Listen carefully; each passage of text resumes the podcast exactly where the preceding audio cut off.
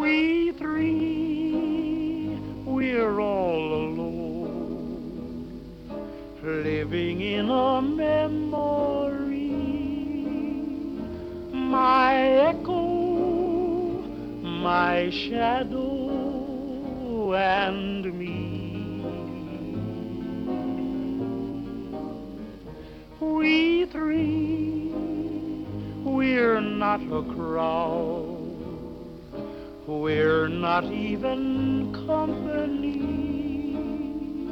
My echo, my shadow, and me.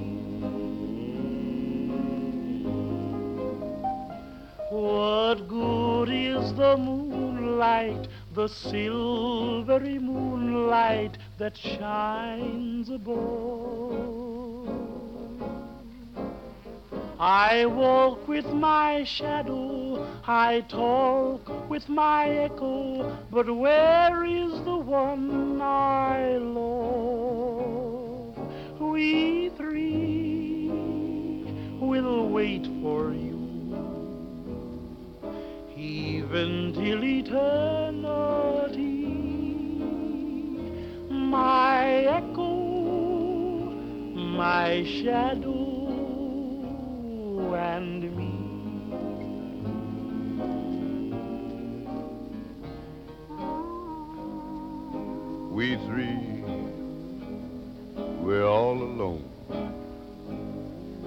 Like we're living in a memory. That's my echo, my shadow, and me.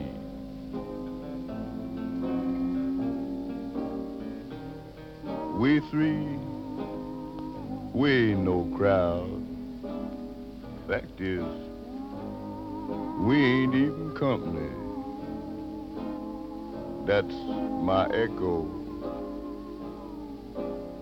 my shadow, and me. You know, I've been wondering, what good is the moonlight? That silvery moonlight that shines way, way up above. Here I walk with my shadow. I talk with my echo. But where is that gal that I love? We three will wait for you, even till eternity. My echo, my shadow,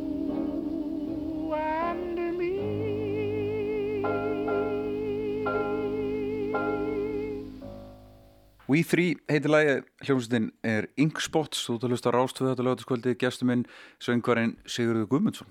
Sælverstu. Takk fyrir að koma Já, bara guð velkomið. og velkomin. Þakka þér fyrir. Ertu, ég hef séð þið í svona bakara múndarengu líka. Já, er það? Ertu bakari? Nei, að, þú veist, mér er gaman að baka þeim. Já, Ég vældi mig inn í bakari já, um ég mitt. Ég er nú ekki komið á í svona tíma núna. Nei, nei, það er einhver gömul mynd eða ég hitti þið einhvern tíman í þessu téða bakari. Já, þú sennilega hitt mig þarna eitthvað mann, já. Já, Ég var mikið þarna á gólfinu. já. Ertu ennþá með súrin í ískap? Já, ég er endar uh, bara nýbúin að fá afleikara Já, uh, og uh, aldrei þessu vant þá, þá svona einhvern veginn fylgdi strömmnum í hettskriðið af því að það var búin að vera mikil hóskipla af af hérna súrtegs bökurum að poppa upp um allar koppagrundir já. Sagan segir já, að þetta séu ennsku boltapapparnir sem Já. hafa engan ennska bolta núna já, og duttu bara í súrin. já það er sennilega einhver litur rétt, sko. Já, já, ég er búin að drepa nokkra sko, undarfærin ár. Sú, súra Já. já, En ég gerir bara pítsur sko. Já, ég hérna, mér veist voða gaman að- að stúsast í þessu, ég, Já. hérna, svona, ég er svona hægt að nenna þessu, ég, ég er aðalega í pítsunum líka Já, eh, og eh, svona um, um hríð, svona undanfæri hef ég aðalega bara verið að gera úr geri, sko, en, en hætti svona nenna þessu viðhalds brasi sem já, þetta er nefnilega, þetta er rosa gaman sko, en svo einhvern veginn þegar þetta tíða bakari sem vorum að tala um ef fara að selja pizzabótana líka þá er mm. tóltið þægilegt að grípa bara nokkra já, já. Ég, hérna, ég er aðalega verið að gera þetta sjálfur. Ég, ég er eiginlega alveg hættur að kaupa pítsur, tilbúna pítsur. Af því að uh, að mínum dómi þá eru mínar mun betri en þær, sko. Og hér, sko. Og eflust þínar líka. já, já. Hvað ertu að vinna með? Á þær. Já, Eða, hvað er þín pizza heima að gera? um, það er nú svona sitt á hvað, svolítið. Sko. Já. Það er nú svona bara eftir því svolítið hvað er feskast þann daginn, sko. Já, já, ekkert svona það er, þetta er mjög, mjög vinsælt heimi á mér að vera ekki með kjöt á þeim, Já. sko. Það er hérna margarítan og, og sko kvítlögsbröðið er, er ákvæmlega vinsælt. Ég er að setja sko s- svona hérna, rjómóst baka kartöflu og rósmarinn já. Við, eh, við vorum svolítið að díla við þetta líka í bakarinu. Við já. vorum að gera tilvunni með það var alltaf, sko, tilfelli var alltaf það að draumurinn var að, að, að nýta bakarið svona kvöldin til að vera með pítsur líka, sko. Já. Það komst aldrei á alveg. Nei, nei, nei, nei. En uh, þar var einmitt svona kartöflur rósmjávin hérna. Ekki- reyndar ekki rjóma ástur sko Það er mjög gott. Já, Setur salt yfir? Já, já, ég trú, trú Já. já. bakaru kartöfluna fyrst þá? Ha, Já, já, upp úr salt og pipar og rósmarinn já, og vel á já, að vera að baka þér sko. Skerða það mjög þund niður. Mm já, já. og setur þau ekki hráar á pítsuna Nei, Nei, nei, baka kartöflunar Þunn skornar já, já, já, Ég bara skerða þær, setja þær op, baka já, inn, bara inn í opnina meðan hann er að hitta með steinum ef þú átt mandólín og, og skerðar alveg svona næfur þund sko, þá er alveg nóg að veltur um velbúrsalti þá er alltaf að setja það bara hráar á með já. En þá þarf ég að ná þeim alveg bara eins og næpum. Já, svona eins og já, svona A4 blaðsir Já, já, já, einmitt. kannski rétt svona Herðu, músík. Músík 20 spurningar, Já. 20 lög. Já, Þú vildi byrja á Inkspots. Já þetta var nú þetta var nú svona, þetta er aldrei fljót unnið hjá mér, ég, hérna, ég er með mjög uh, erfitt svona minni svona sem að ég man nú að lítið svona eftir hvað ég var að hlusta á því að ég var krakki. Já. En þetta er svona byrja, byrja Mér fannst við enda að byrja bara á Inkbots þannig að þeir eru búin að vera stórpartur af mínum playlista undarfarið Já, ekki sem á spad Nei, ekki alveg sem var barn, nei en svona undarfarið svona fjögur, fimm ár eða svo. einmitt. En hlustar mikið á músík, svona dagstæðlega Já, sko ég er ekki ég er ekki mikill svona ég er ekki mikið að hlusta á dót sem ég þekki ekki, sko. Ég, er ekki ég er ekki að uppgötu að músík mm en uh, ég vel mér músík til að hlusta á sem ég svona veit að hverju ég geng svolítið, sko. Já, og uh, en það er alltaf gaman ef maður dettur niður á eitthvað sem maður, er, maður hefur geitt áður en, svona, en ég er ekki ég er ekki svona ég er ekki svona músikrúskari uh, þú veist, ég held að ég hefði svolítið tapað því eftir bara að vera búin að vera að vinna svo mikið í þessu tóði já, já, já. einmitt. Æ, Ekki bara hlustar á mikið sem þú þarft að læra. Ég hlusta, já, tölvist á, á ef ég þarf að læra eitthvað, þá hérna, ég kann nú orðið hans sem allt, sko, en, en, hérna, en uh, já, ég er svona, já, ef ég þarf að læra, ef ég pantaði til að syngja eitthvað sem ég þarf að læra, þá, þá hlusta ég hluta á það og Já, ert ekki orðið mér nokkuð fljótur gott að taka það upp líka, svona, bara svona, eitthvað svona basic upptökur og, og hérna, til þess að bara svona ná mínum, ná tökum á þessu. Já, En, uh, en mér er svo gott að leita í svona til dæmis svona grúpur eins og Ingspots það sem er engin, er engin læti er engin stælar það er bara uh, rattir og, og einfalt undirspill og mér er það svona mjög, mjög þægilegt og, og mikið, ég hlusta mikið á instrumental músík bara svona, svona gamla lútu músík og eitthvað dóttar í.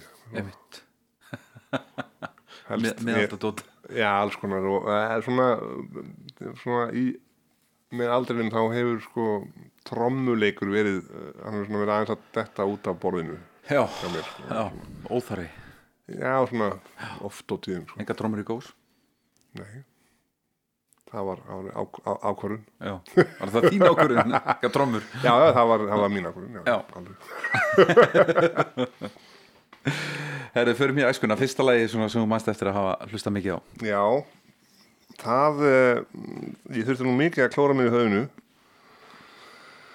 uh, og ég komst eiginlega ekki aftar en uh, svona unglingsár cirka bát sko. Og ég man að einhvern tímann þá þegar kassetuna voru hérna vinsalastar og við vorum að taka upp hérna svona blandspólur fyrir, fyrir einu ymsu tilefni og uh, þá sérstaklega kannski til að hafa í bílum og eitthvað svona að þá uh, heyrði ég einhvern tímann þetta lag í útvarpinu og, og, og beið einhvern veginn eftir að það kæmi aftur til þess að ég geti náði á upptöku og þetta eh, er svona sennilega með því svona fjarlægasta sem ég man eftir að hafa hlustað á svona stótti konstantli svona á repeat í svolítið tíma. Og þú náður því á kassutu Já, já, ég náði því fyrirrest ég mista þess að byrjuninni sko en, en, en eins og gengur en Já, já. Þetta, þetta kom. Svo kom útarskallinn og talaði eitthvað yfir þetta já, já, já, já. Þetta var, þetta var ég sakna svolítið uh, kassettnáma ég, ég, hérna, ég er svolítið ég var voða hrifin af því að að vera með svona mix spólur Já, Spotify playlistin er nú bara mixbóla Já, en það er einhvern veginn annar fílingur sko, af því að þú veist, þú mást veit ekki hvort þú mást þetta en þú veist, þegar maður var að taka upp til dæmis blandspólunar og maður tók upp af víninum í græjanum inn í stofu e, þá náttúrulega voru oft reispur og svona alls konar artifattar á víninum og e, það var svolítið tilfellið að maður sko, enn þann dag í dag hefur heyri ákveðin lög sem voru á þessu Sama hér sko. Að þá hérna, kannski var rispa á hún stað. Já, og mér finnst hún bara eiga að vera já, já, Já, já. Og þannig að það er svolítið mikið það er svolítið mikið að stíði vondirlögum sem að einhvern veginn rötu inn á þetta líka sem að ég bara, ég bara man alltaf eftir því að þarna var þarna var, þarna hoppaði yfir eitthvað. Já, var hann mikið rispaður sem sagt? Já, þetta er mikið spilað Já, að þær mikið spilað. sko. Einmitt. Já, hefur þú sett eitthvað svona inn í eitthvað sem það tekið upp? Svona rispur, Já, nei ekki mikið sko. Nei. Settum eina svona litla rispu hér. Já. Ég, það er alveg, það, er, það, það hefur ekki verið fundið upp almenna nú gott app til að gera það sko. Davíð Bensin er tennimæður, skulum sjá hvort hann getur við komið að inn í rispu hann að getur þetta er eitthvað. Settum eina rispu einhver staðar. Flýtut mark var það Já, Need your love so bad. Já, geggja lag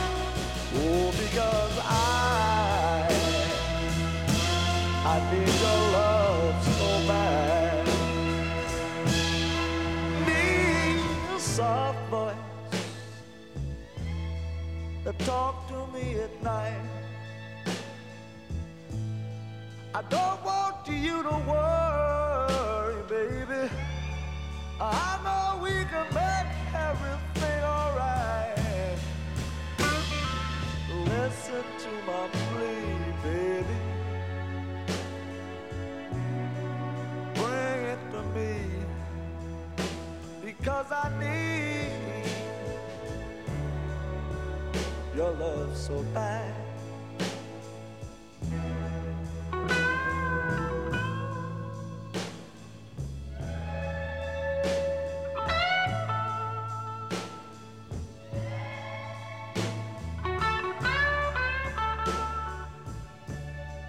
Fleetwood Mac, Need Your Love So Bad tón, uh, söngvarinn Sigurður Guðmundsson að gestur minn í kvöld og við erum komin að fyrstu tónleikunum Fyrstu tónleikarnir, já. Þetta var ákvæmlega vandasamt, uh, vandasamur liður. Já, Um, ég náttúrulega elst staldið upp svona á tónleikum. Já, en uh, ég tók þá ákvörðun að- taka þarna lag sem að ég er náttúrulega, ég er náttúrulega alveg gjössan að löngu hættur að hlusta á þetta. Já, en þetta voru enga síður fyrstu tónleikarnir sem ég fór á svona uh, einn eiginlega sko. með útlenskri hljómsveit. Með útlenskri hljómsveit, það var svona, þetta var svona fyrstu svona stóru tónlingarna sem ég fór á. Já. og það var nú eins og mann margir af minni kynnslóð og kannski þar umkring, þú varst þarna líka Já. í kappleikaðan og þetta var náttúrulega hljómsveitin Rage Against the Machine. Já. og uh, þarna var ég held ég svona 16 eða 17 16 ára saman, ég veit ég var ekki verið komið bílbróð ég var 13, 12-13 Já, ég hef verið svona 16 Já. Þetta, hvað ára var þetta? 93? 1963, já. Já, já einmitt. Já, ég hef verið orðin 16, ég verið, þetta hefur verið sumarið þarna. Ég smiklaði mér inn, já, ég mátti einmitt. ekki fara. Þetta var, þetta var eftirminnlegt. Mjög, mjög ég, þú veit, ég var náttúrulega svo ungur, já. svona eh, bats, uh, eh, skástrík úlingur, valla úlingur og ég man bara eftir sko drikkinni og fólkinni. Mm. Ég var miklu meira pæli í því heldur en því sem var að gerast upp á sviði En Já. það var vissulega alveg magnað já og ég meina Jeff og Joe voru, voru þarna undlað upp á sitt besta og Já. voru alveg síkarlega flottir líka sko. En þetta var þetta var, þetta var, þetta þetta situr svolítið í manni að hafa séð þetta, þetta band einhvern veginn. Já, á þessum tíma líka í þeirra sögu sko, því að þeir alltaf bara springa kortari setna já, einmitt og ótrúlega þessi fyrsta plata já, já, ég raunin sko. Ég, eins og ég segi, þetta fyrir aldrei á fónin í dag Nei. en, en ég leiði þess að slæta þetta með sko, þessu, þessu lagi. Bullet in the Head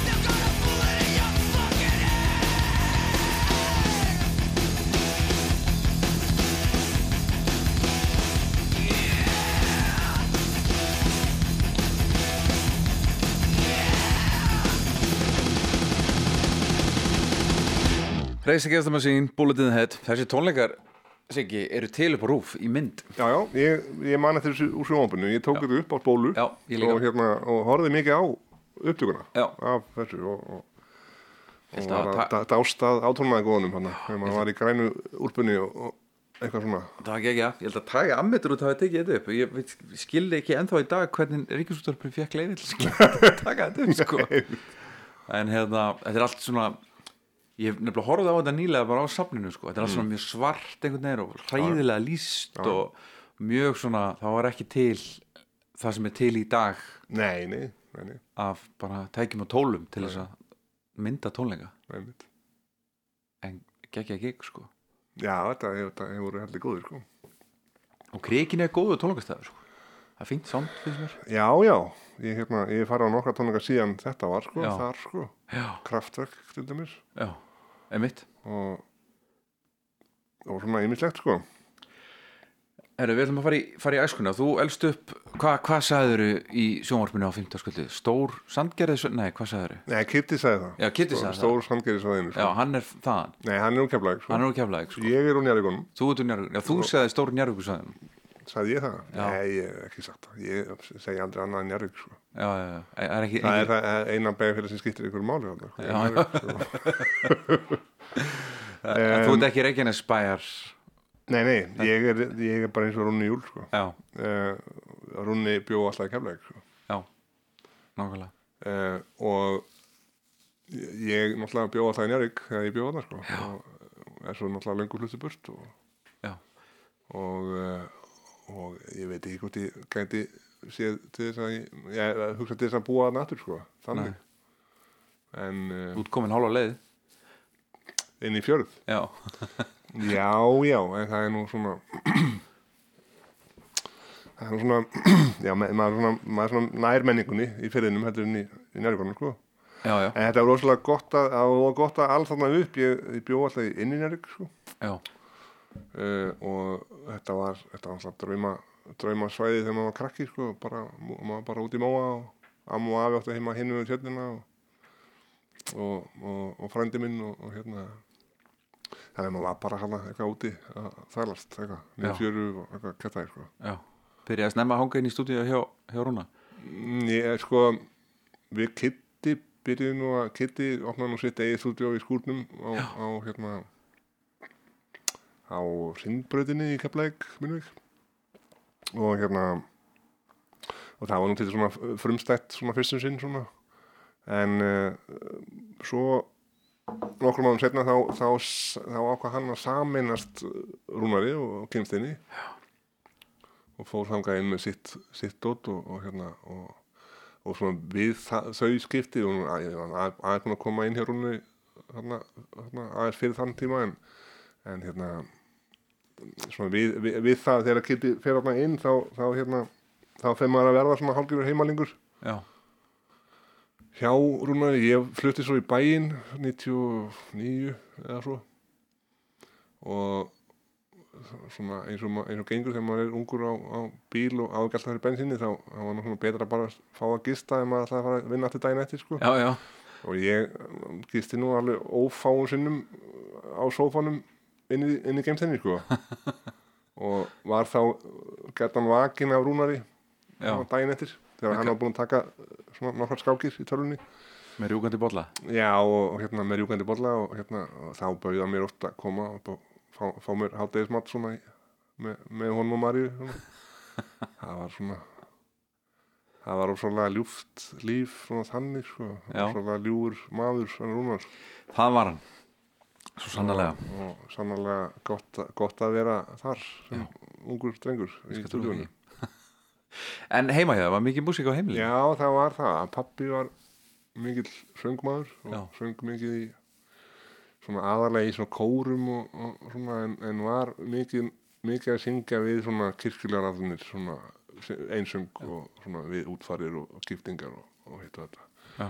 Og hérna og hvað gerir mamma? mamma, mamma er sem sagt píanokennari og organisti og hérna þannig að það var alltaf mikið músík og mikið að plötum og, og veist, það voru græjur og, veist, þannig að það var mikið, það var mikið að, þetta var alveg svona þetta var svona, þetta var svolítið eh, old school svolítið, þannig sko. klassík og kórar og Já, mikið um svona mikið Elvis og, og svona, þú veist um, svolítið country sko já, en voða mikið bara svona, svona ættjarðarlög Já. og, ekkert bíl Nei, bílarnir voru ekki voru ekki mikið í safninu sko. það Nei. voru reyndar Gilli frændi minn, hann átti nokkrar bílalutur sem að sem ég svona hlusta á síðar sko, en ég vissi eiginlega ekki hvað bílarnir voru fyrir svolítið síðar sko.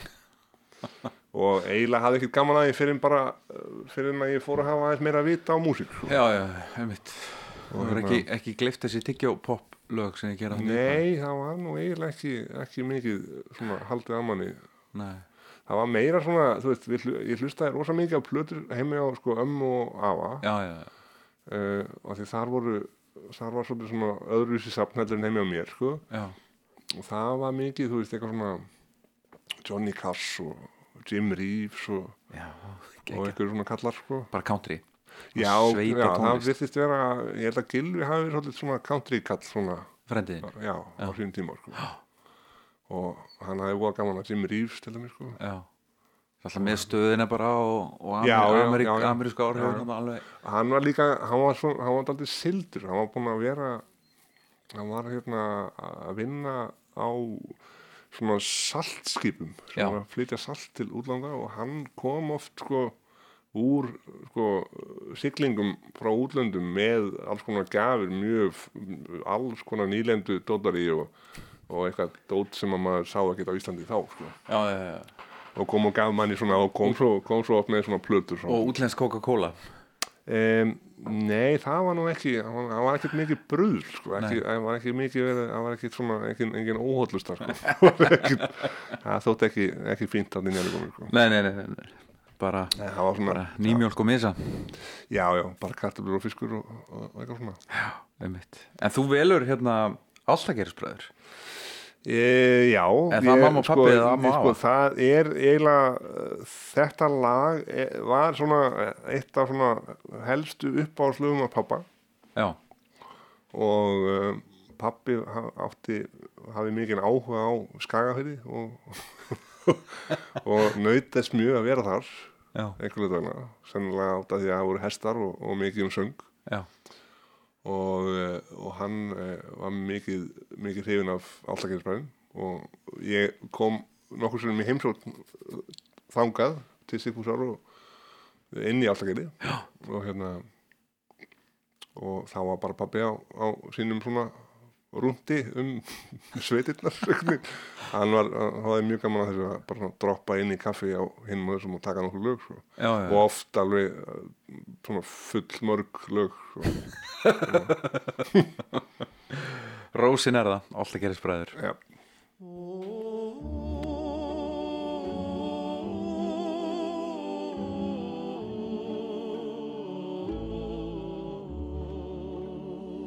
Undir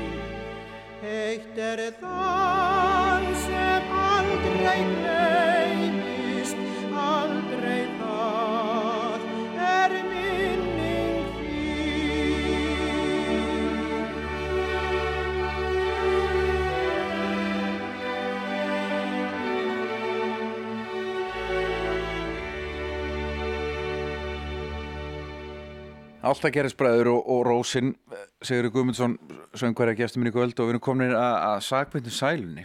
Lægi sem sagði engum að hafa gaman að Já, ég, hérna, ég átti nú svolítið erfitt með þe- þennan lið líka, ég verð nú að viðkynna það. Já, Um, þetta er, Spandu Ballet já, þetta er lag sem að einhvern mann, ég heyrði í útaflunum líka og það einhvern veginn sennilega óvart hefur, sko, ég mani ekki hvort það var óvart eða hvort það var viljandi, en þetta endaði á einhverju sáttspólunni líka og rúlaði, ég einmitt átti, þú veist, að tala um hérna rússa árin í Hafnafjörði, að, að hérna, þá ógi ég um á löðsport Já, á og hérna, ég leitaði síðan að mér langaði svo eiga svona jeppa Mm. svona lötsport jeppa Mm. Eh, og ég reyndi bara þessi bíl er ekki til sko Nei. Smalinn hérna, hann á einn mm. eða átti Mhm. Þetta var, var skemmtilegu, bíl og, og hérna það var meiri fílingur en sko einhvern veginn eitthvað ja, veist. það var rosa fílingur að vera á löðinu sko. Já, en það var ekki mikið gæði nei, nei, það var, alltaf eitthvað bíla eitthvað hjólalegur og eitthvað svo, og svo var svo, það var svo einkennlegt að maður hérna maður vissi einhvern veginn aldrei ammanlega hvort að því að það gáttu verið hlutur sem voru kannski framleita bara til ykkur daginn og það voru, það var alveg heiminn og hafa milli sko, Það bara eftir hver ára á vakt já það var svolítið eitthvað, svona, var, var gæðastjórin á vakt þennan Já. daginn eða ekki sko, var, eða, eða hvort það var yfir höfðu nokkur gæðastjóri á þessum tíma Já, það voru svona inn á milli svona mánudags eintök algjör að rið hrúur og, en mín var nú ágætt hún, var, hún reyndar fór, hún fór, hún fór illa, hún druknaði í Krossá. Já, og er bara þar? Nei, nei, hún, hún kom nú einhvern mann heim en hún, var, hún fekk vatnin á vélina og var, hún var óögufær frá því sko. Æja, Hvað gerist? Ég astnaðist til að uh, lána hana Já, og það voru menn sem buðu mér í skiptum uh, Pontiac Transam yfir helgina. Ég bara, já, já, ég er til í það. Já, og hérna svo náttúrulega bara basically bara á leiðinu upp í Þósmörk þá fóru þér á kaff í ána og daginn eftir þá kom eigandi Pontiacsins og vildi fá, hann aftur. En uh, það tók nú einhverja daga manni hvað var langur tími fyrir það var að ná, ná bílnum upp úr og já, hún var hann bara í nokkra dag já, hún var þarna eitthvað. Það var svona leiðinlegt svona. Já, en uh, gullfallegi bílar. já, mjög fa- fallega, fallega hannaðir sko. Já, en uh, í þessari lötu þá rúlaði oft spóla sem að innihelt þetta lag. Uh, og þetta var nú ekki svona lag sem að ég var mikið að þú veist, endilega segja öðrum frá að ég var að hlusta á. En það, er, það var eitthvað svona það var eitthvað, það var eitthvað svona pínu svona trist element í því sem að eitthvað svona, það var eitthvað svona söknuður eitthvað svona, eitthvað fegurð í ljótleikanum sem að var við þetta lag sem að ég hafði, hafði gaman að þessu á tjómbili svo hlusta ég nú reyndar á þetta bara svona til þetta nýlega þá var þetta nú ennþá alveg ágætt sko. Já það ekki? Jú, jú. Spandu Ballet, Through the Barricades doesn't know where love has gone. She says it must be youth that keeps us feeling strong. I see it in a face that's turned to ice. And when she smiles, she shows the lines of sacrifice. And now I know what they're saying as our sun begins to fade. And we made our love on wasteland and through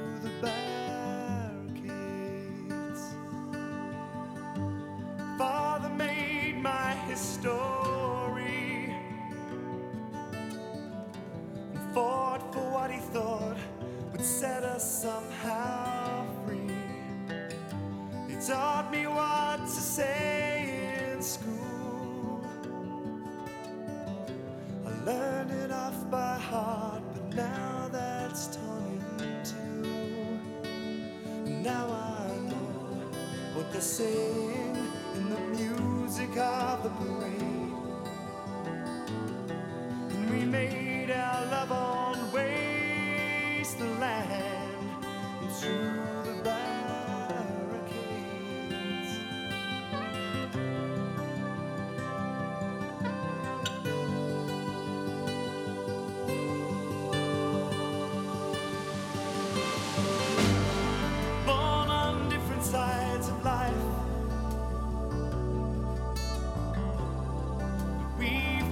singing.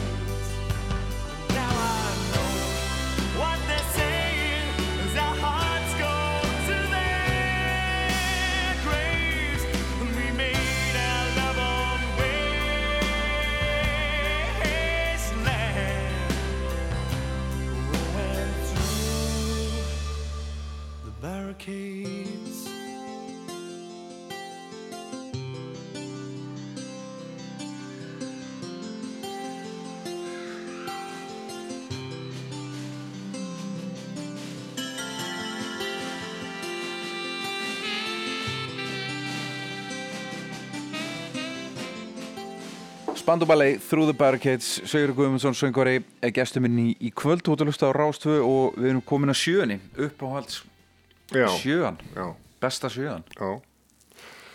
Uh, það er uh, það er hvað er það, 70 sleið Já, já, það er 70 áttundi áratörin já, Að Doma Klein besta 70 sleið, já. Það er þetta lag held ég, Já, heldur já, ég held að Ertu, ertu mikill segðis kall? Já, já, ég myndi segja það. Umfram kjör, það sem kemur í kjörfærið sko, myndi ég halda sko. Það var eitthvað svona fegur í svona fegur í sándinu svona, sem að tapaðist svo svolítið þarna. Það er eitthvað mýkt já, það er svona mýkt sem að menn örður svo leiðir á og reynda að útrýma mýktinni og, og gera allt hart og ljótt. Já. En það, er það ekki bara eðlilegt? Jú, jú, það er það, er það þegar þú veist, andla, þetta, gengur í byrgjum og, og þú veist þegar þú er búin að geta smjör í marga vikur þá viltu kannski bara fá eitthvað annað. Já, já, okkarlega en uh, En þú þú velið þetta lag Vincent. Já, Akkur þetta eh, er bara svona lag sem að einhvern veginn ég einhvern veginn mér fannst alveg þegar ég heyrði þetta fyrst og, og svona þetta er svona þetta, er- þetta, er, eitt að já, þetta er svona, þetta er svona svolítið repeat lag líka hjá mér sko. Um, mér fannst, bara, fannst það bara svo einhverju fallegt sko. Fallegt, fallega sungið um uh, þennan mikla listamann og uh, og einhver, það er einhver sannleikur í þessum texta sem að einhvern veginn ég tengdi of mikið við og tengi svolítið ennþá mikið við sko. Og uh, þetta er bara svona eitt af þessum lögum sem að mér fannst vera að standa upp úr á þessum áratví einhvern veginn Vincent Starry, starry night. Paint your palette blue and gray. Look out on a summer's day with eyes that know the darkness in my soul. Shadows on the hills. Sketch the trees and the daffodils. Catch the breeze and the winter chills in colors on the snowy linen land. Now I understand what you tried to say to me, and how you suffered for your sanity, how you tried to set them free. They would not listen, they did not know how. Perhaps they'll listen now. Starry, starry night. Flaming flowers that brightly blaze. Swirling clouds in violet haze. Reflect in Vincent's eyes of china blue. Colors changing hue morning fields of amber grain, weathered faces lined in pain are soothed beneath the artist's loving hand. Now I understand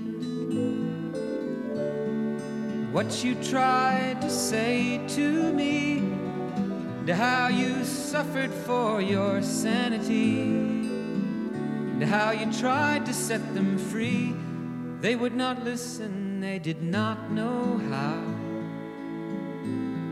Perhaps they'll listen now, for they could not love you. But still, your love was true. And when no hope was left inside on that starry, starry night, you took your life as lovers often do. But I could have told you, Vincent, this world was never meant for one as beautiful as you. Starry, starry night. Portraits hung in empty halls frameless heads on nameless walls, with eyes that watch the world and can't forget, like the strangers that you've met. The ragged men in ragged clothes, a silver thorn, a bloody rose, lie crushed and broken on virgin snow. Now I think I know what you tried to say to me, and how you suffered for your sanity, and how you tried to set them free. They would not listen, they're not listening still. Perhaps they never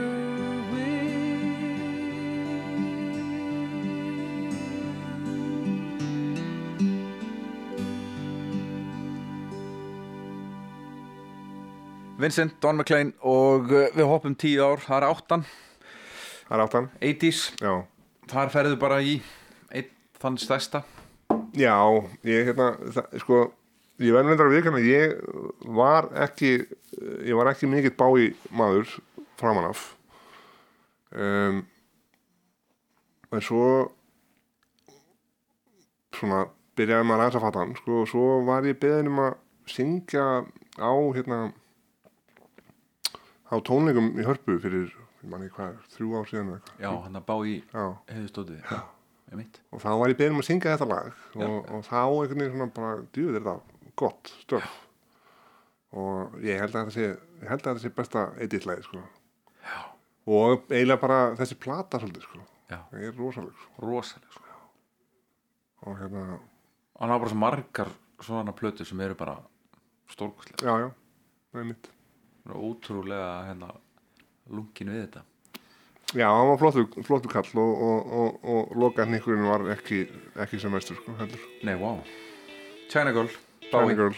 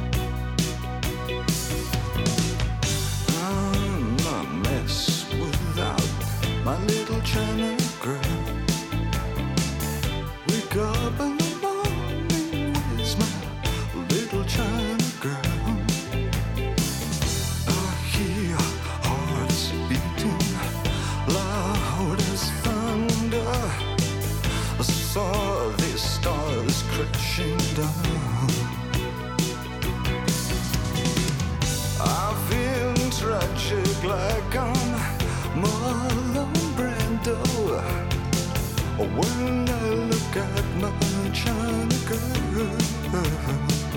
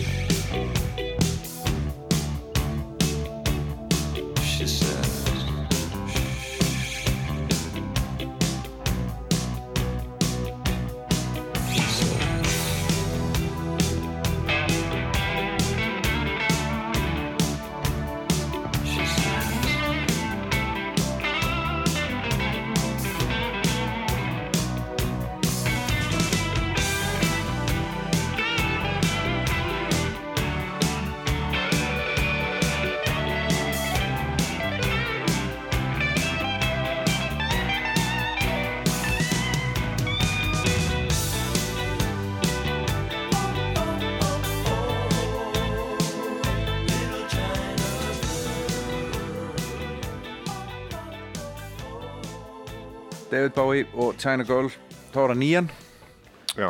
90-sið Já. Þetta, þetta band var eitt af mínum uppáhaldsbandum sem að, sem að spröstu út úr þessu umtalaða 90-si. já, Þetta, það var eitthvað, það var eitthvað valjú einhvern veginn við pulp sem að mér fannst einhvern veginn. Er það, er það sagna uh, kunst Jarvis Cocker? Þetta er svo mikið sögur löginas Já, það er náttúrulega það, já, það er náttúrulega er, það náttúrulega er örgulega partur, partur af því sko. þetta, er, þetta er ég tengi við að lögin sér um eitthvað og fjallum eitthvað og segi frá einhverju eh, svo bara var þetta eitthvað svo, það var svo cool svo cool band sko. Já, hann sjúkla töff einhvern veginn ég hitt hann nú hérna einhvern veginn á niður í fyrstisund okkur bar eitthvað og hérna mjög töff nági sko. skemmtlegur, skemmtlegur kall sko. já, já, og hann áða til að hanga hérna. Já, hann kem, hefur komið hérna á til. Og hérna stór skemmtilegur. Þetta, þessi plata öll sömul er æðisleg sko. og ég hlustaði mikið á þessa plötu og eða þetta hissin hörs eða ekki? Þetta er disco já, 2000 d- já, disko, já, og hérna og uh, ég til dæmis var aldrei ég var aldrei mikið fyrir hérna blur sko, nei en Oasis? Alveg alls ekki sko. Ég hef aldrei þólað þessu sko. Aldrei langt en Purp var töff Purple Tuff. Sveit það var eitthvað, eitthvað það er eitthvað, sound í hérna, söngvarunum sem að ég mm, meika ekki sko. Það er eitthvað. En það, það var svona eitt og eitt lag með þeim sem að ég gatt svona, en það er eitthvað svona, eitthvað svona það er eitthvað svona meh, eitthvað svona hljóð sem að ég eiginlega ég, ég næ ekki það er alveg nákvæmlega þetta hljóð sem það að gera. Já, þessi tók einmitt. Radiohead? Meh. já, já. Já, já, já, já. Ég sá þá á já, einmitt. Á mjög góðum tíma, tíma. 97 eða 98 Disco 2000 Du,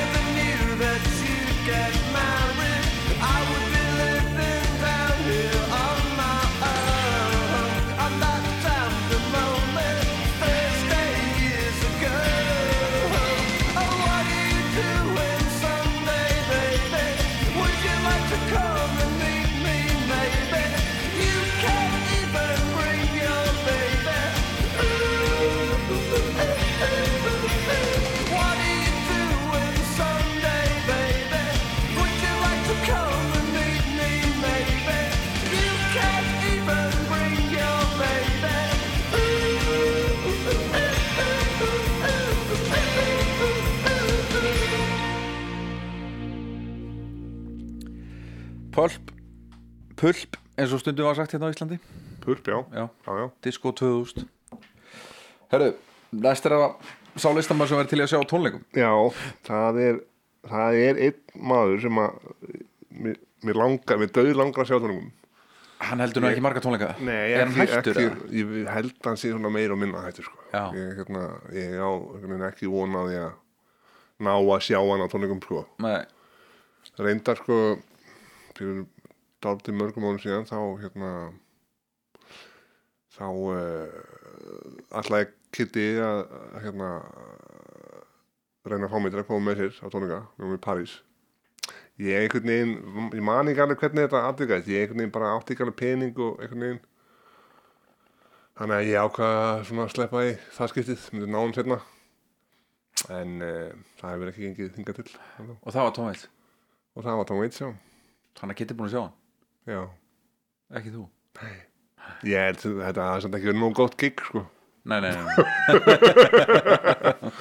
en um, já, ég sé svolítið eftir því að ég hafa ekki látið, látið mig hafa að fara, fara þá sko. Já, en ég væri alveg til að sjá, sjá hann sko. já. Dead and Lonely Nei, Dead and Lovely já, Dead and Lovely, já, já, já. þetta er lag af af plutunni uh, ég man ekki hvað hann heitir núna svona rauð. Já. svona 99 Ég man ish, eitthvað, kringu 2000 eitthvað. Um, já, þetta er hann er, hann er, hann hefur lengi verið svona einn af mínum uppáhaldskvöldum svona eitthvað. Mér finnst það æðislegur En Mér finnst sko Þegar hann hittir á það fyrir eh, mín eyru allavega þá er ég alveg bara fell í stafi. En svo, svo er sumt sem að hljóma bara eins og einhver útigangsmaður sko. Já, já Það er náttúrulega það er svolítið partur af þessum karakter sko. Ég veit það, hann, er er náttúrulega hann er náttúrulega svona leik eh, Hann er er, teatermaður er, hann er teatermaður sko. Hann er mikið teater í kringum músikinn hans já. sem að er einhvern veginn sem, að, sem að er oft alveg ofsalega eh, einhvern veginn eh, fer illa við músík einhvern veginn að vera með ómikið já. uh, en en það einhvern veginn svona, svona gaggett í gegnum hans feril hefur til dæmis sko ef maður lítur að hvað hann var að gera uh, með fullri vinningu fyrir 80-sinu og öllu því þú veist ef maður, maður hlustar á plötna sem hann gerði 83, 85 og 87 já. það var eitthvað svo gjössanlega einhvern veginn sér á parti við allt annað sem var, á, var í gangi þú veist. Swordfish Trombones og Frankie, Franks Wild Years og, og þessar plötur plötur. þrjár uh, og Þetta er allt 80s þetta er, já, þetta er, þetta er, þetta er þessi erki ár 83, 85, 87 Einmitt.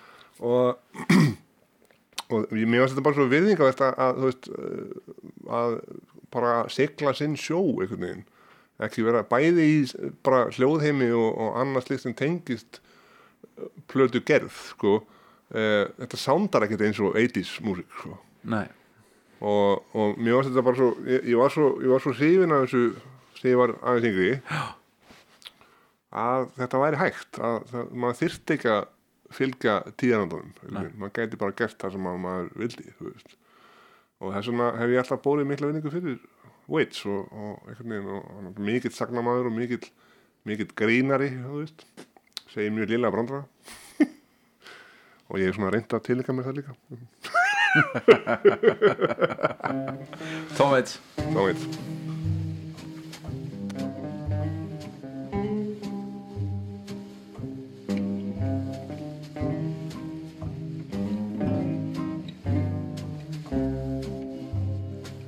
She was a middle class girl. She wasn't over her head.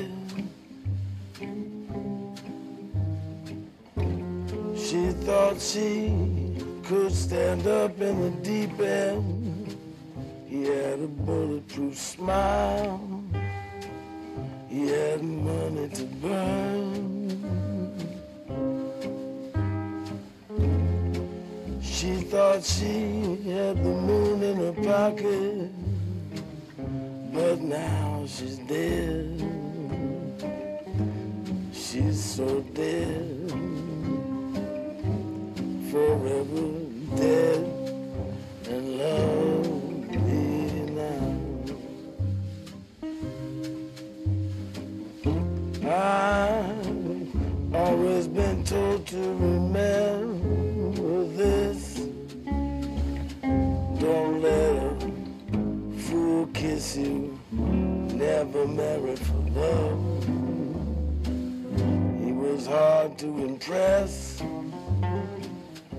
He knew everyone's secrets.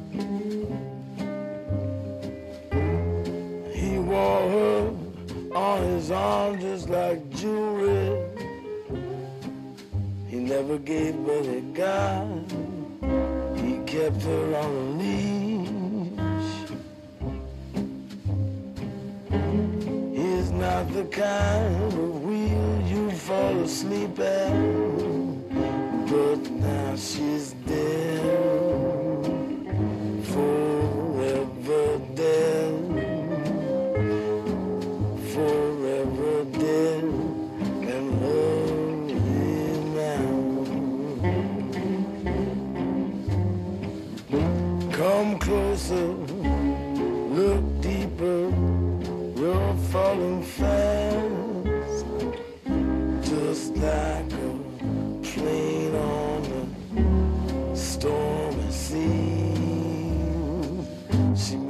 Someone to be.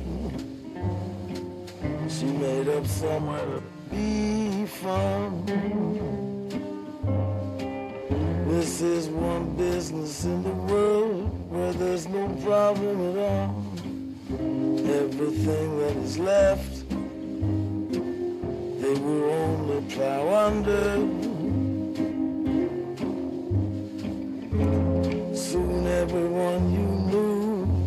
Will be gone. And now she's dead.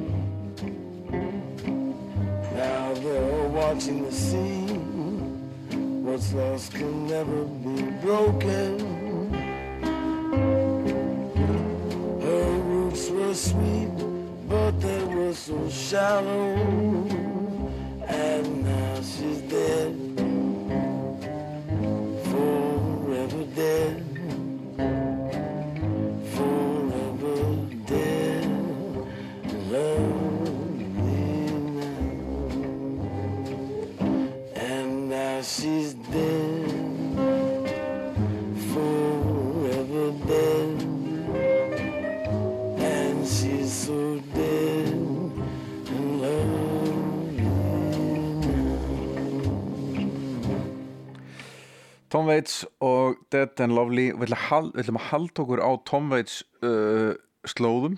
Það er plata sem var aldrei leða Já, það er hérna, það var svona, neða, það þurfti umhrunninga að, að hugsa um hvaða plötu ég fæ aldrei leið á. Og þetta, þessi plata sem að þetta læra sem að heitir eh, Heart Attack and Wine, er síðasta platan sem ég, ég einhvern veginn þá fór ég í plötubúð, ég keipti mér einhverjum svona 5-6 plötu með tónveits, þú veist. Og ég, þar, þar voru svona einhverjum þessar svona, svona að, að mér þótti þá aðgengilegri einhvern veginn og, og ég hlustaði mjög mikið á þær og svo átti ég alltaf þessa og bónmasín honni skúfu og var ekki aldrei búinn að hlusta á almennilega, rúlaði neitt með einu sinni gegn og bara, þetta er ekki, ekki, ekki tónveit sem ég fýla einhvern veginn. Þannig að þessi plata var síðasta tónveitplatan sem að ég á þeim tíma sem, ég átti sem að, sem að ég svona, byrjaði að hlusta á. Og síðan þá síðan ég fatta hana þá hef ég aldrei fengið henni. Nei, ég get alltaf sett hana á og hún er alltaf jafn góð, hún er, öðru, hún er alltaf öðruvísi en aðrar tónveitsplutur hvaða plata er þetta? Heart Attack and Mine, þetta er, þetta er svona plata sem að hún er svona, svona dagblaða mynd Einmitt, já. fórsíða dagblaði Já, saman já. og þetta er bara svona basic band þetta er bara svona gítabassi, trommur og orgel einhvern veginn, svona og mjög svona sátt allt svona ráar svona, svona svolítið bílskús upptökur einhvern veginn, þú veist. En alveg mega flott flott, flott stöf. Og reyndar svo er þessi, þessi stóru lög eins og þetta, Ruby's Arms og, og annar lag sem er svona, svona stórar, svona dramatíska ballöður sko Já. og hérna en sem er náttúrulega ég stutt inn í kviku þegar ég heyri stóra dramatíska ballöður sko þá fer ég bara að gráta sko. Já, og þannig, þannig er svolítið með þetta lag sko. Rúbis Arm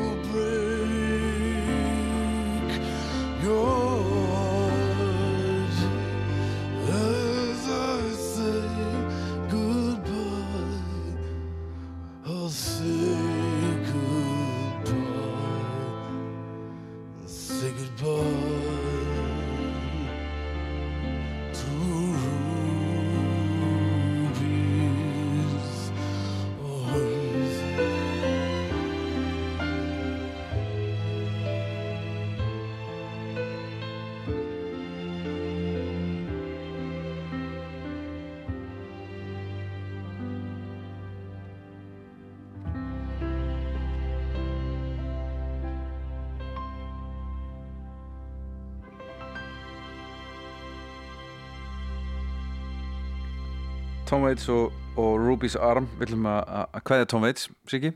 Já, já, venda okkar kvæði krór heldur betur, nú förum við bara til LA Fyrsta plata sem við kipti Já, ég sko ég þurfti daldið að hugsa um þetta líka. En ég held ég held ég sé ekki að ljúga að ykkur að, þetta hafi verið fyrsta platan sem ég kemur Það er sæmileg fyrsta plata, sko. Já, Þetta var á þeim tíma þegar ég var að byrja að köpa hlutur. Besta rockplata sögunar Já, eða þú veist, já, hún var það á þeim tíma allavega. Ég get ekki hlusta á þetta lengur. Nei, nei, ég er alveg búinn sko, Já. líka með þessa plötu Já. en eftir stendur eitt ótrúlegasta frumraun og rock hljómsveitar alla tíma. Já, þetta er fyrsta held, plata, held, heldur betur. Rosaleg sko. Já, já, og hérna ég hefði alveg verið til að sjá þá á tónleikum á þessum tíma líka sko. Já, sama, samanlega en, uh, En ég er þarf ekkert að vissum hlusta á ég, er- ég er ekki vissum að ég myndi köpa með í dag sko. Nei, Nei, ég þarf ekkert að hlusta á þessa blötu aftur sko. Nei, Ég er alveg nei, með hana já, sko. ég, já, En ef það kemur í útarpinu þá alveg hækka ég sko. Maður tekur þetta alveg. og það er sko það er svona þú veist, ég, eins og ég segi ég, ég hef ekki ég, ég, ég kunni ekki við að setja svona, stærstu hitt á þessu Nei, og fer í ég, nætrein ég hef svona, já, mér, mér finnst þetta ég, mér finnst þetta alltaf svolítið gott lag sko, Já. af blöðinu Já, ótrúlegu söngari já, já, já, já, ótrúlega gílegari Já, Jesus. Og bara ótrúlega band sko. Já, Þannig. heldur betur. Við erum að tala um Guns N' Roses. Appetite for Destruction, fyrsta Jeps. plata sem við getið þér. Já, Night Train. Já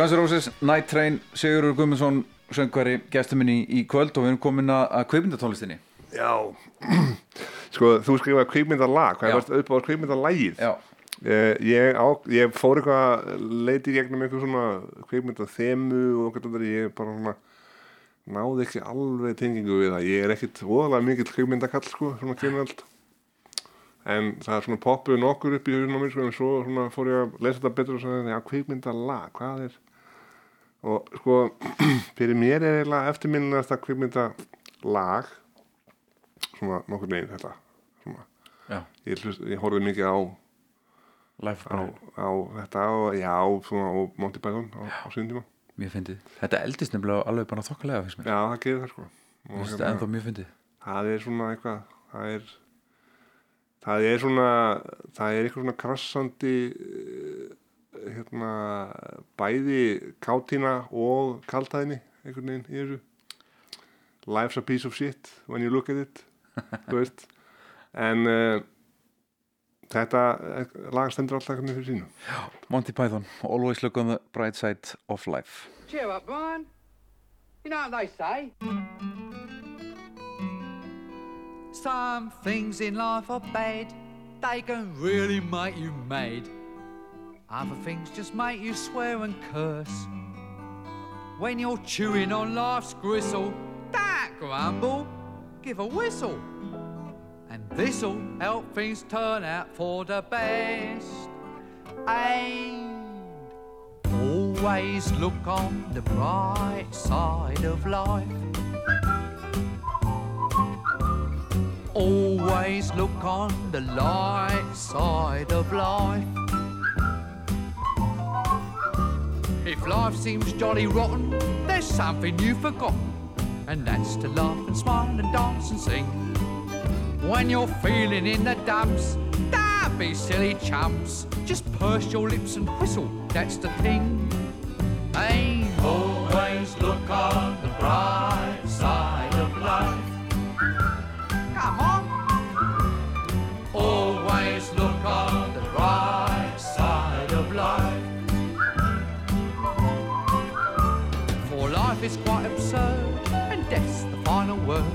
You must always face the curtain with a bow. Forget about your scene, give the audience a grin. Enjoy it, it's your last chance anyhow. So always look on the bright side of death. Uh, Just before you draw your terminal breath. Life's a piece of shit when you look at it. Life's a laugh and death's a joke, it's true. You'll see it's all a show, keep 'em laughing as you go. Just remember that the last laugh is on you. And always look on the bright side of life. Always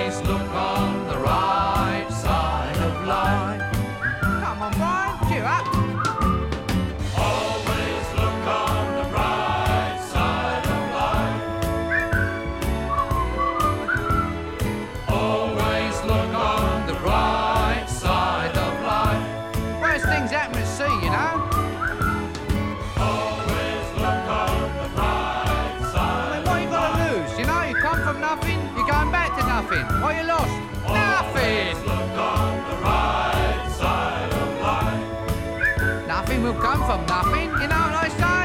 Cheer up, you old bugger. Come on, give us a quiz. There you are. See? It's the end of the film. Incidentally, this record's available in the 40s.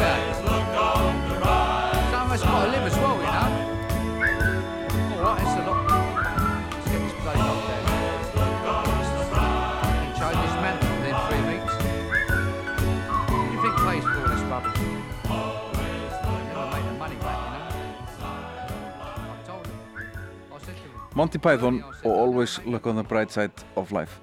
Herðu sig ekki, lægið sem að þekka til þess að læra hljóðfæri eða byrja að syngja eða Já. hvort koma undan? Gítarinn eða ég veit, ég veit ekki, gítarinn er ekkið um, sko ég er náttúrulega byrja náttúrulega að spila hljóðfæri sem krakki sko, og spila þá á blósasljóðfæri aðalega já, uh, hvað varst að blási? náttúrulega byrjaði bara á blóflutuna eins og, og flesti sem byrja, byrjaði á þeim tíma allavega. Uh, svo blés ég svolítið í hérna, svona kornett sem er svona líðil trompet fretaðir í hann. Já, eh, fann mig einhvern veginn aldrei almennilega þar. Uh, Svissaði svo yfir í saxofón. Já, uh, lærði af hann um tíma nokkur ár og er það ekki alltaf dýrt sport að vera svona saxofón? ekki sem krakki sko. Nei, nei, en þegar maður fer að verða svona konusör sko, þá, þá er þetta bæði dýrt og svona erfitt svona uh, erfitt að erfitt að finna réttu blöðin og erfitt að eitthvað svona alls konar eh, svona, þetta er svona komplexerað hljóðværi svolítið sko. já, já, já, þó ekki eins komplexerað eins og til dæmis fagott eða, eða óbó þar sem Nei. að þú átt að smíða þín eigin blöð til þess að eitthvað svona já, já. Eh, þetta höfðaði ekkert mikið til mín mikið lengur Nei. ég var einhvern mann fengið til að spila eh, einhverju skrúðgöngu á einhverju svona sumandaginn fyrsta eða eitthvað dóttir.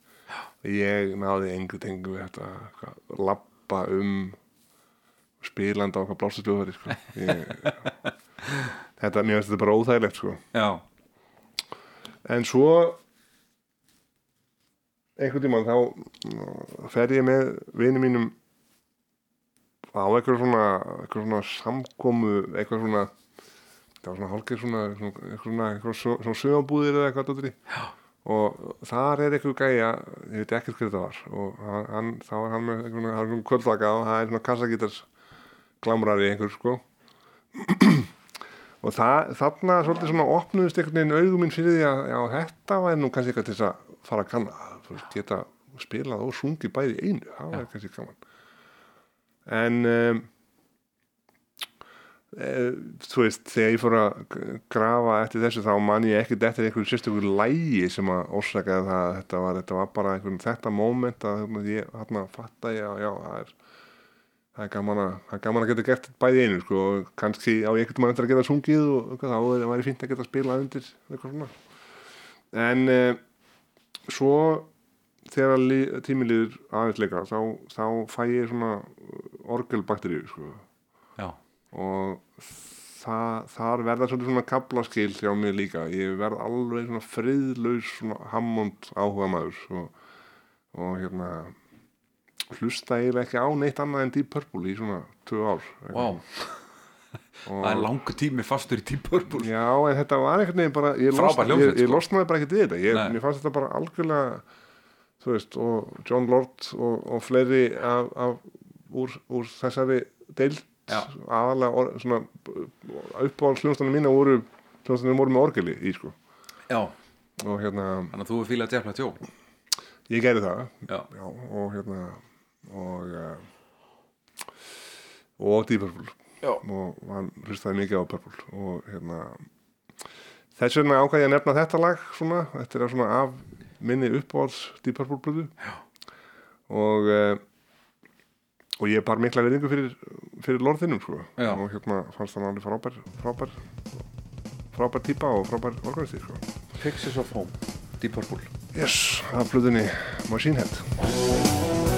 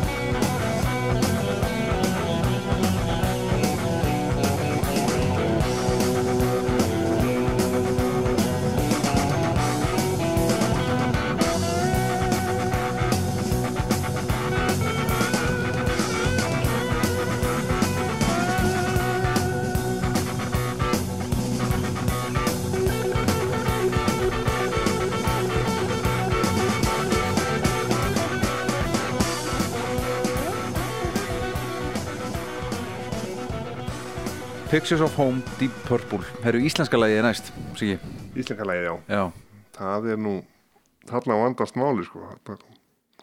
Þarna þrengir skórin að, sko. já Þetta er náttúrulega ruglspurning, sko Já, hún er, eh, þetta er svona, þetta er svona, hún, er, hún leynir svolítið á sér, sko. Um, það er náttúrulega mjög mörg, mjög góð lög. Um, ég vissi ekkert hvað ég átt að velja í, þessu, í þessum lið. Ég, hérna, uh, það er allt og mörg, allt og mörg lög til að veginn, og, og, og, og erfitt að velja eitthvað svona, eitthvað svona, eitthvað topp um, eða eitthvað eitt uppáhalds en en uh, minn uppáhalds svona já, svona meira og minna all time uppáhalds kall er uh, Magnús Blöðar kallinn Já. og og uh, það, mín aðdán, aðdán á honum minkaði ekkert eftir að við spiluðum með honum í senningsjónum uh, við spiluðum þetta aldrei þetta lag en uh, já, það hefði verið gaman. Ég er enda tók upp litla útgáfa af þessu lagi einhvern mann um daginn. En skulum ekki spila hana en uh, þetta lag heiti Brámánandi bláu, bláu. Brámánandi bláu. Og uh, Er þetta ekki að drauga upp þessu? Uh, jú, sennilega upphála jú. En svo kom þetta út á plötunni Svanasöngur á leiði. Já, sem er bara svona píano undirleikur Jóns uh, en lægið er dásanlegt og, og textinn og, og einhvern veginn allt einhvern veginn við þetta Megas megas Blást ekki glæðunar góðu Glötum þínum byrðar Þú veist ekki nær uppmagnast að blessaða bál sem brennir þig upp sér til dýrðar En þú getur bara ekki glemt henni Gleðinni sem lamaði þig forðum og aldrei kemstu yfir hann Aukinn sem hjælt tilverin í skorðum Nei, aldrei fyrstnist yfir það. Sem átti sér stað og eitt sinn var og hann reykaði síðan eins og sveppgengið því hann sá þá allstaða en gleymir aldrei þessum gáunum sem löftu þannig sín síst á hvað. Og hann kemst aldrei undan þeim þótt alheimurinn standi lags í stað Það eru brámánarnir bláu sem brostu mér á leið. Brámánarnir bláu, þeir byrja þeir enda þennan seið. Það eru brámánarnir bláu sem blíkot sindran ætti þar. Brámánarnir bláu, hann barð á dýrin allar þögð. Og loks kom ekkert svar. Bómánarnir blá allt blóð sem flætið að skín. Brámánarnir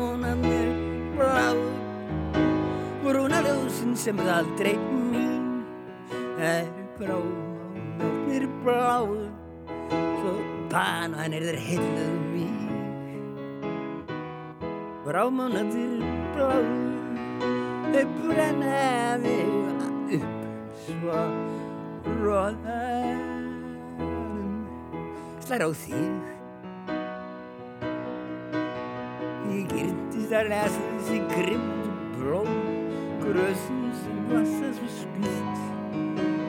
skilum í skrim í skelvingar djúbunum og skartu þær svo illt í illt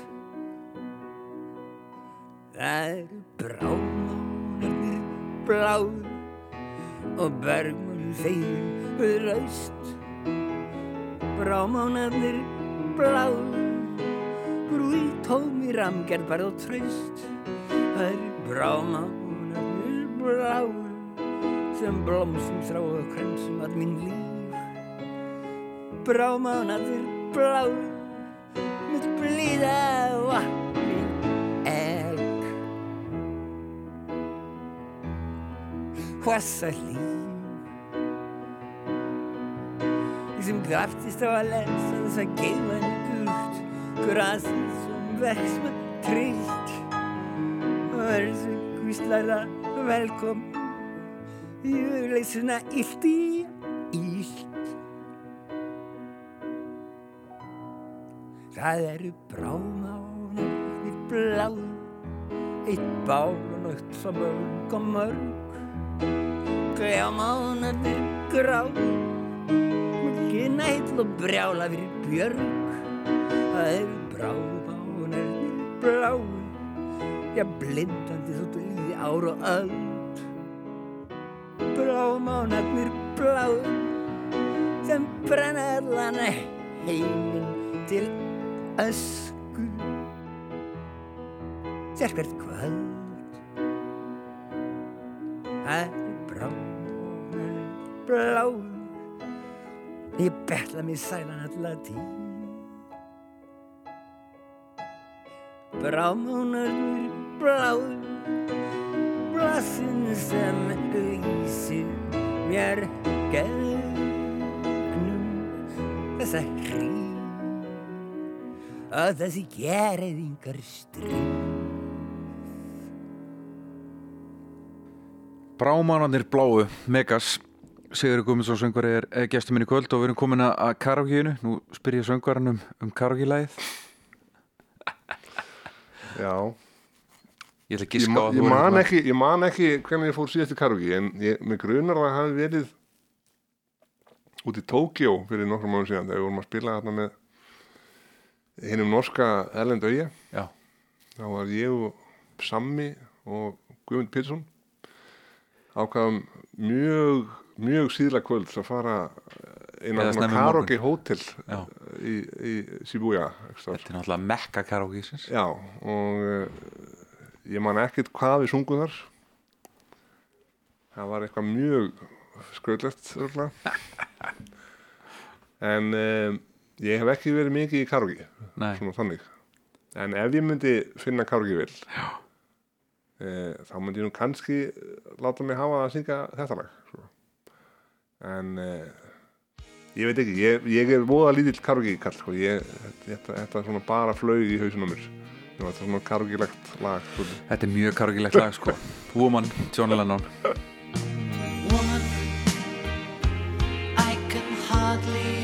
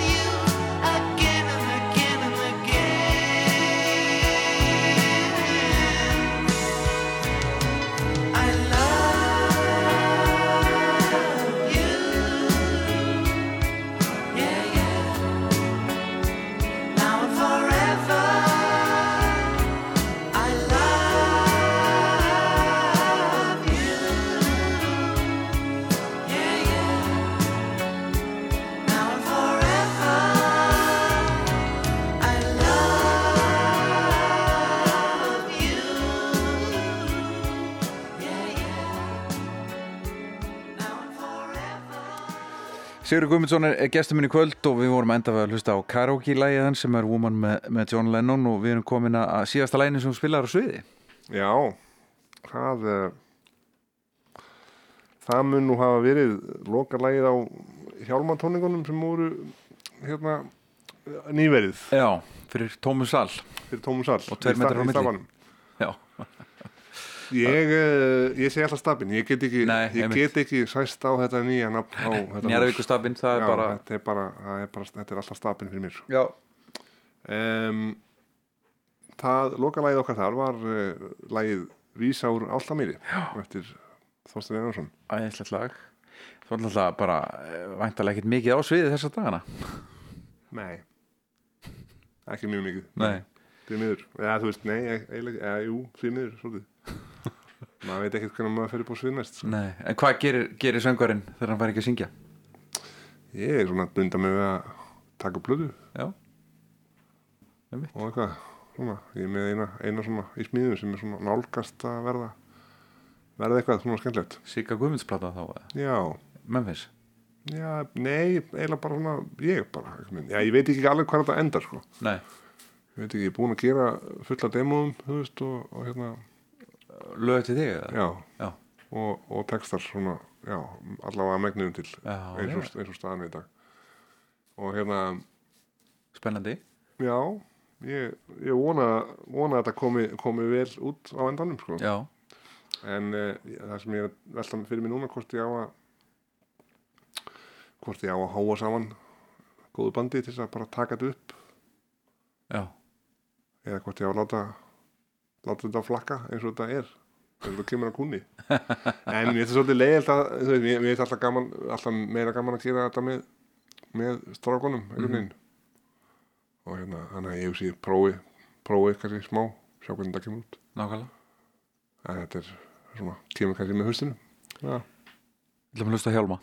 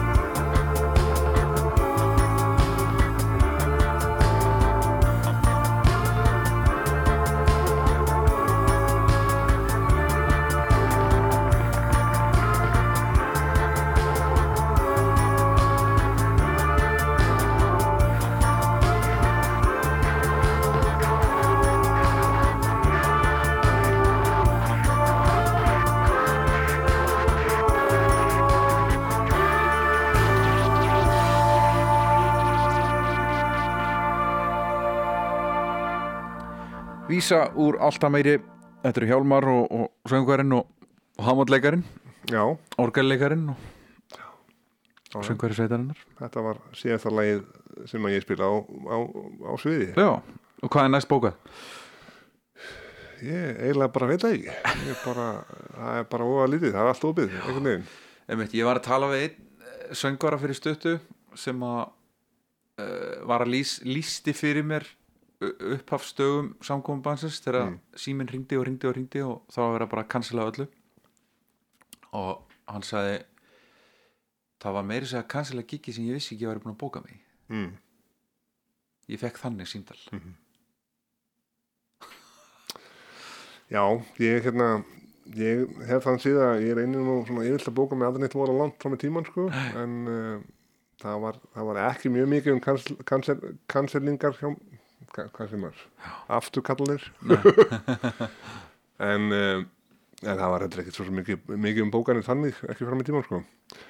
En um, ég, það er algjörst óvissu ástand ennþá hjá okkur, sko. Ég Já. veit ekkert, veit ekkert hvað verður núna, en það er ágætt líka maður, þá hefur kannski bara maður alltaf sinnir, sinnir nánustu og fylgjutinni og, og það hefur nú verið svona yfir meiri viðvera heldur en svona venjulegu venjulegu voru sko. Já, nákvæmlega. Eins og hjá öllum öðrum og maður Já. bara það var einhvern veginn að díla, díla við það og, og hérna, en svo bara erum við svona vonast þess að geta farið hringverði sumar kannski eitthvað, það verður fílingur Já, við skulum sjá hvað við, við segir. Já, já, það erum bara, við erum bara að hlýða honum. Já, það er betra. Ég er allavega, þú veist, allavega að heyra hvað hann hefur að segja. Og Herðu, síðasta lagi sem þú deildir á samfélagsmiðlum Já, ég, ég skoðaði nú samfél, samfélagsmiðirinn sem ég er hvað mest á svona, en ég er nú ekki mjög djúlugur á, á þeim. Uh, og ekki mjög djúlugur að deila neinu svo sem þannig en ég hendi inn um daginn svona litlu lægi sem ég tók ákvað að taka upp sjálfur svona, við, við píanóið. Já, og uh, það er stránt til tekið síðasta lag sem ég deildi á samfélagsmiðlum. Já, við ætlum bara að heyra þá upptöku. Já, er það Eitt ekki bara. mér, Jú, Já. mér finnst það bara allt í góð Þetta er hérna Þetta er, svona, þetta, þetta er ágætt sko. ég, ja, ég, ég held það sko, held það sé ágætt sko. Hlustum. In the wee small hours of the morning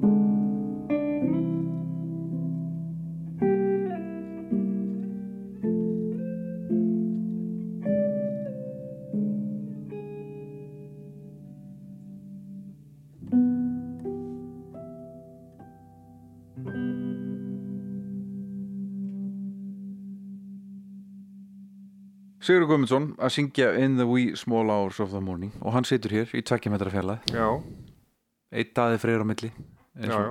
einhverju segir einn ég. Ertu tveir? Já, í skóm. E eitt sigur á milli Já, já. uh, Á hvað þetta hlusta núna? Hvað er mikið Ég er búin að hlusta mest núna undanfærið er ég búin að hlusta á uh, plötu sem heitir uh, The Tree of Forgiveness. Já, með uh, manni sem að uh, er nú nýláttinn úr þessu, þessum fjanda sem að trölliðir öllu. Uh, var svo sem orðin fullóðinn og, og, og veikur, veikur, veikur fyrir og allt það en, en hann, hann fór úr þessu blessaður. Uh, en það er þetta er skrítið að því að við sko við, við sáum hann um tónleikum. Já, bara núna í um meðan februar já Kittið mitt ringdi í mig þegar hann dó Já. og, sag, og sagði mér þessu sögu. Já. sem var mér mjög fallegt. Og uh, þannig að ég er búin að uh, láta þessa plötu rúla hún er alveg, alveg svakalega góð sko, og, og hérna og ég er búin að hlusta hvað mest á hana undan sko. John Prine. Já. Þetta voru fyrstu tónleikarnir hans í París. Og einu. Já, og, og svo ég las eitthvað grein bara núna um daginn, eitthvað Rolling Stone Já, grein. einmitt þar sem að hann, hann sagði bara ég ætla að spila í París alveg sam, sama hvað það kostar Já. og svo ákvaði þau bara að gera það og, og, og við vorum þarna í pínlillum sal, 500 góður. manna sal og, og hérna og sáum loka tónleikarnas Já, var hann góður? þetta var uh, ángríns alveg þó ég skafi ekkert af því þá var þetta alveg með svona topp þremur tónleikur sem ég bara hef síðan æfinn sko. Já, ok hann var alveg ríkalega góður sko. hann var búinn að fá hann, hann var að þjásta einhverjum mjadma eimslum og, og hérna, þurfti að sitja allar tónleikana, alveg mjög óvanlegt fyrir hann hann er aldrei gett aður satt á stól allar tónleikana og var svona illa fótafær en röddin var algjörlega briljant og og einhvern veginn maður fann sko bara hjartað einhvern veginn í honum. Að hann var svona, hann var engin tilgerð það var bara pjúra gleði og yfir að vera þarna og náttúrulega svo eftir að maður les svona grein eins og þessa grein þar sem að þetta, var bara mikið hjartað mál fyrir honum að koma til Parísar og vera þar. Og það var auðvist að hann var alveg að njóta sín alveg í botn að vera það Já, bandið er svo frábært og hann var svo, hann var svo vínalegu við alla bæði áhörundur og bandið sitt og allt saman og þetta var alveg ógleymanleg stund sko, alveg. Og ég var alveg ríkarlega heppinn að, að, og, og við að, að, ná, að ná þessu sko. Því að daginn eftir þá cancelaði restan turnum og svo eftir svo að fara heim og láta skipta mjöln sko. Já, og svo, svo greindist það með COVID. Já. Elsku kallinn. Búin, að, lifa tvö sko. Nákvæmlega. John Prine heitinn Þú ert eiginlega búin að svara næstu tveim spurningum Þannig að við erum að fá bara Prine tvennu núna. Tvö Prine lög í röð. Gerum það, gerum það. Byrjum á Summer's End Og strax í kjölfari heyrum við When I Get to Heaven Sem á vel við. Blessu sér minning John Prine. Summer's ends around the bend just flying. The swimming suits are on the line just drying. I'll meet you there for our conversation. I hope I didn't ruin your whole vacation. Well, you never know how far from home you're feeling until you've watched the shadows cross the ceiling. Well, I don't know, but I can see it snowing in your car. The windows are wide open. Just come on home. Come on home. No, you don't have to be alone. Just come on home.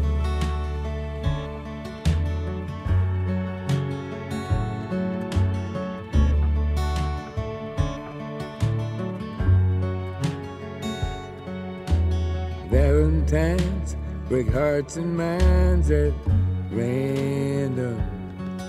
That old Easter egg ain't got a leg to stand on. Well, I can see that you can't win for trying. And New Year's Eve is bound to leave you crying. Come on home.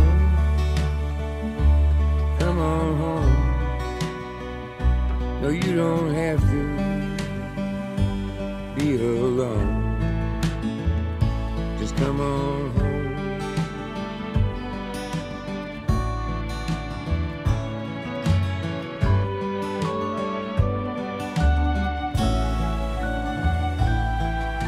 The moon and stars hang out in bars just talking.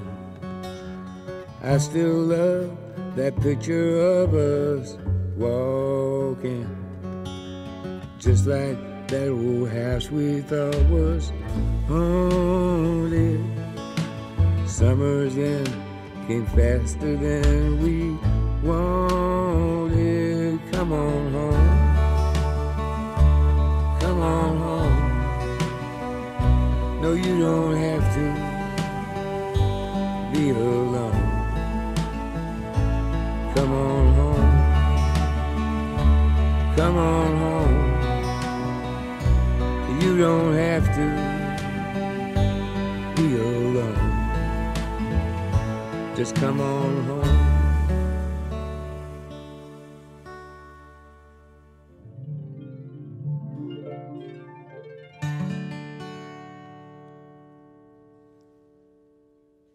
When I get to heaven, I'm going to shake God's hand, thank Him for more blessings than one man can stand.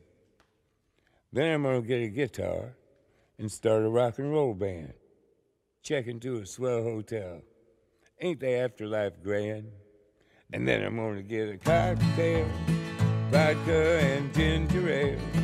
Yeah, I'm going to smoke a cigarette that's nine miles long. I'm gonna kiss that pretty girl on the tilt-a-whirl. Cause this old man is going to town. Hmm. then as God is my witness, I'm getting back into show business. Hmm. I'm gonna open up a nightclub called the Tree of Forgiveness and forgive everybody ever done me any harm. Why, I might even invite a few choice critics, those syphilitic parasitics, buy 'em a pint of Smithix and smother 'em with my charm. Cause then I'm going to get a cocktail, vodka and ginger ale. Yeah, I'm gonna smoke a cigarette that's nine miles long. I'm gonna kiss that pretty girl on the tilt-a-whirl. Yeah, this old man is going to town.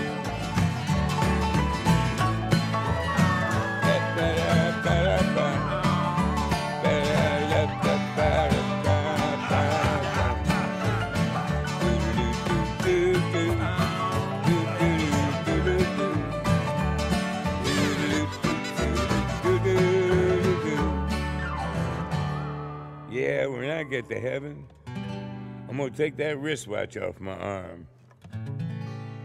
What are you gonna do with time after you bought the farm? And then I'm gonna go find my mom and dad. And good old brother Doug, well, I bet him and cousin Jackie are still cutting up a rug. I wanna see all my mama's sisters, cause that's where all the love starts. I miss them all like crazy. Bless her little hearts. And I always will remember these words my daddy said. He said, Buddy, when you're dead, you're a dead peckerhead. I hope to prove him wrong. That is, when I get to heaven. Cause I'm gonna have a cocktail, vodka and ginger ale. Yeah, I'm gonna smoke a cigarette that's nine miles long. I'm gonna kiss that pretty girl on the tilt-a-whirl. Yeah, this old man is going to town. Yeah, this old man is going to town. Do-do-do, yeah,